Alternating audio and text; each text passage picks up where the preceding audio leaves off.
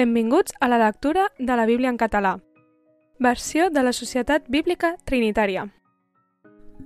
Gènesi 47 I Josep vingué i va informar el faraó dient El meu pare i els meus germans i els seus ramats de bestiar menut i gros i tot el que tenen han vingut de la terra de Canaan i us aquí, són a la terra de Goshen i prengué cinc homes d'entre els seus germans i els presentà davant del faraó.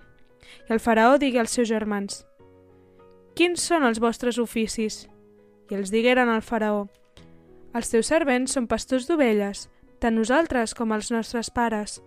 I digueren al faraó, Hem vingut a sojornar al país, perquè no hi ha pastura per als ramats dels teus servents, perquè la fam és greu a la terra de Canaan. I ara, et preguem que permetis habitar els teus servents a la terra de Goshen. I el faraó parlà a Josep dient, el teu pare i els teus germans han vingut a tu. La terra d'Egipte és davant teu. Fes habitar el teu pare i els teus germans al millor de la terra. Que habitin a la terra de Goshen. I si saps que entre ells hi ha homes competents, posa'ls com a majorals al meu propi bestiar. I Josep portà el seu pare Jacob, i el presentà davant del faraó i Jacob beneí el faraó. I faraó digué a Jacob, quants són els teus dies dels anys de la teva vida? I Jacob digué al faraó, els dies dels anys del meu pelegrinatge són 130 anys. Pocs i dolents han estat els dies dels anys de la meva vida, i no han arribat els dies dels anys de la vida dels meus pares, i no han arribat els dies dels anys de la vida dels meus pares en els dies dels seus pelegrinatges. I Jacob beneí el faraó i sortí de davant del faraó.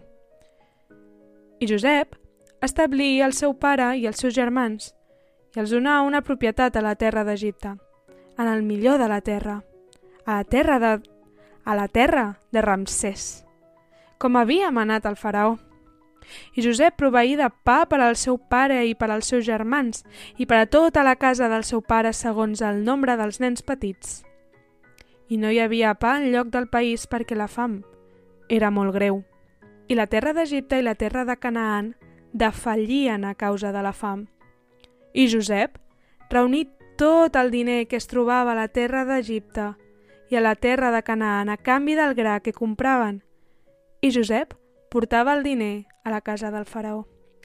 I s'acabà el diner de la terra d'Egipte i de la terra de Canaan, i tots els egipcis vingueren a Josep dient «Dóna'ns pa!» I per quin motiu haurem de morir davant teu? Perquè ja no tenim diners.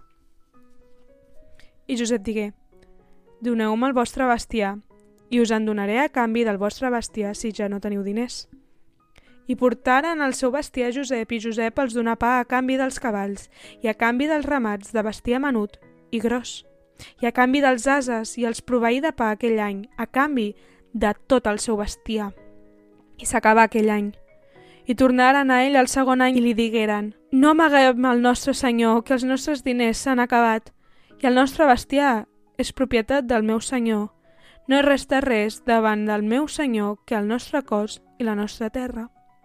Per quin motiu haurem de morir davant dels teus ulls, nosaltres, i la nostra terra?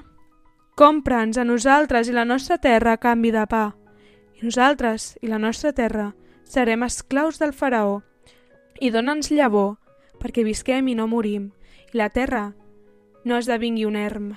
I Josep comprà per al faraó tota la terra d'Egipte, perquè els egipcis es venien cadascú al seu camp, perquè la fam era molt greu sobre ells i la terra esdevingué del faraó, i traslladà el poble a les ciutats d'un camp a l'altre de la frontera d'Egipte. Solament no comprà la terra dels sacerdots, perquè els sacerdots tenien una porció del faraó i menjaven de la porció que el faraó els havia donat. Per això, no vengueren les seves terres.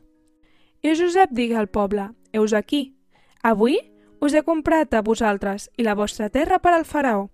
Heus aquí, llavor per a vosaltres, i sembrareu la terra. I s'esdevindrà que al temps de les collites donareu una cinquena part al faraó, i quatre parts seran per a vosaltres, per llavor, per al camp, i per menjar per a vosaltres i per als que són a casa vostra, i per menjar per als vostres petits. I ells digueren, ens has salvat la vida, que trobem gràcia davant dels ulls del meu senyor i serem esclaus del faraó. I Josep establí una llei sobre la terra d'Egipte fins al dia d'avui que la cinquena part era per al faraó. Només la terra dels sacerdots no esdevingué del faraó. Israel habità a la terra d'Egipte, a la terra de Goshen, i ells hi van adquirir propietats i fructificaren i es multiplicaren molt. I Josep visqué 17 anys a la terra d'Egipte i els dies de Jacob, els anys de la seva vida, foren 147 anys. I els dies d'Israel s'atansaven a la mort.